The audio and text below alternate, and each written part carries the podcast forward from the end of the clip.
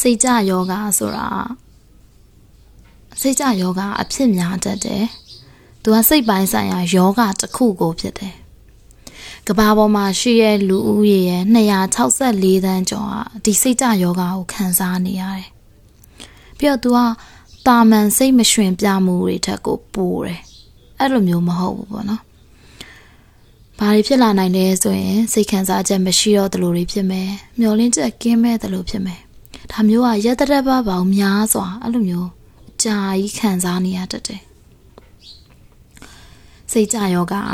ကာယကံရှင်ရဲ့စိတ်ခံစားမှုတွေစဉ်းစားတွေးခေါ်နိုင်မှုတွေလှုပ်ဆောင်မှုတွေအဲ့အားလုံးအပေါ်မှာလာပြီးတော့ထိခိုက်နိုင်တယ်အဲ့ဆိုရင်ဒီစိတ်ကြယောဂရဲ့ထိခိုက်မှုဟာတယောက်တယောက်တူလားဆိုရင်မတူဘူးလူတယောက်ချင်းစီအလိုက်အမျိုးမျိုးကွဲပြားသွားနိုင်တယ်ပေါ့နော် သူရဲ့လက္ခဏာတွေထဲမှာဘာတွေပါလဲဆိုရင်ဝမ်းနေတယ်မျက်ရည်လွယ်မယ်စိတ်ခံစားချက်တွေမရှိတော့သလိုဖြစ်မယ်မျောလင်းချက်ကင်းမဲ့လာမယ်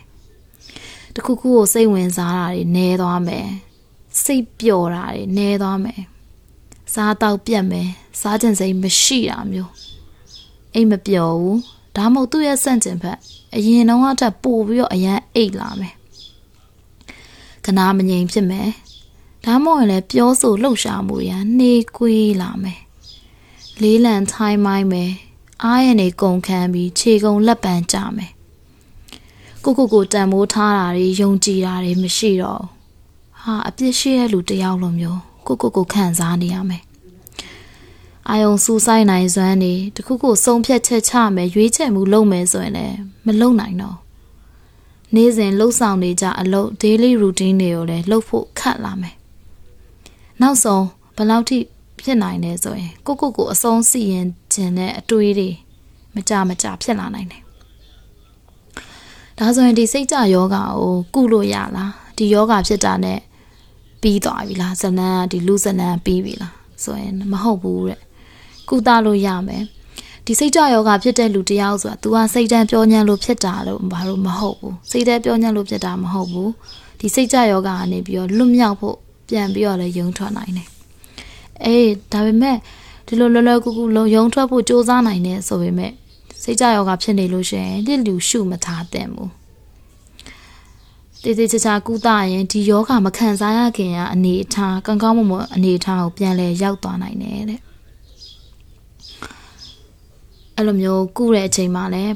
ဘယ်လိုမျိုးလဲဆိုတော့စေးဝါးတွေနဲ့လည်းကုနိုင်တယ်ဒါမှမဟုတ်စိတ်ပိုင်းဆိုင်ရာကုထုံတွေနဲ့လည်းကုနိုင်တယ် အားပေးကူညီပံ့ပိုးတာတွေအတွေ့အကြုံခံစားချက်တွေကိုမျှဝေတာအချိန်ပေးနားထောင်ပြီးတော့အကြံပေးမယ်ညှိနှိုင်းပေးမယ်ဒါတွေကယောဂပျောက်ကင်မှုအတွက်အရန်အရေးကြီးတယ်သက်ဆိုင်ရာဆရာဝန်တွေကကုသမှုအမျိုးအစားတွေအကြောင်းရှင်းပြပြီးလို့ရှိရင်စိတ်ကြယောဂဘလောက်ပြင်းထန်တယ်လဲအဲ့ဒီပြင်းထန်တဲ့အခြေအနေနောက်တစ်ခုကကာယကံရှင်ကဘာနဲ့ကုကျင်လဲကာယကံရှင်ရဲ့ရွေးချယ်မှုသဘောထားဒီနှစ်ခုပေါ်မှာမူတည်ပြီးတော့အသင့်တော်ဆုံးနဲ့အကောင်းဆုံးကုထုံတွေကို ရွေးချယ်ပြီးတော့ကုလို့ရပါတယ်စိတ်ကြယောဂတွေကိုဘာတွေနဲ့ကုလို့ရမလဲနီလန်အမျိုးမျိုးရှိရဲ့တဲ့စေးဝါးနဲ့ကုမလားစိတ်ကြယောဂကိုတတ်တာပျောက်ကင်းစေနိုင်တဲ့စေဝါအုပ်စုတွေအများကြီးရှိရယ်။အဲ့စေဝါကိုပေါ်မှာရွေးချယ်မှုကလည်းဘလောက်ပြင်းထန်တယ်လဲခံစားနေရတဲ့အချိန်ကာလအသက်အရွယ်ပြီးတော့တခြားတောက်သုံးနေရတဲ့စေဝါတွေစိတ်ကြယောဂအတွက်အရင်တော့တောက်ခဲ့တဲ့စေဝါတွေ ကာယကံရှင်ကဘယ်ဟာကိုလှုပ်ချင်လဲပေါ့ဒါပေါ်မူတည်ပြီးတော့ဟိုစေဝါရွေးချယ်မှုကကွဲပြားသွားနိုင်တယ်တဲ့ဒုတိယတစ်ခုကစိတ်ပိုင်းဆိုင်ရာကုသမှုပဲစိတ်ပိုင်းဆိုင်ရာကုသမှုတွေမှာသိမှုနဲ့အမှုအကျဉ်းဆိုင်ရာကုသမှုအဲ့ဒါ cognitive behavioral therapy electronic နီးပညာနဲ့ဆက်သွယ်လှုပ်ဆောင်နိုင်တဲ့သိမှုနဲ့အမှုကျင့်ဆိုင်ရာကုသမှု electronically deliver cognitive behavioral therapy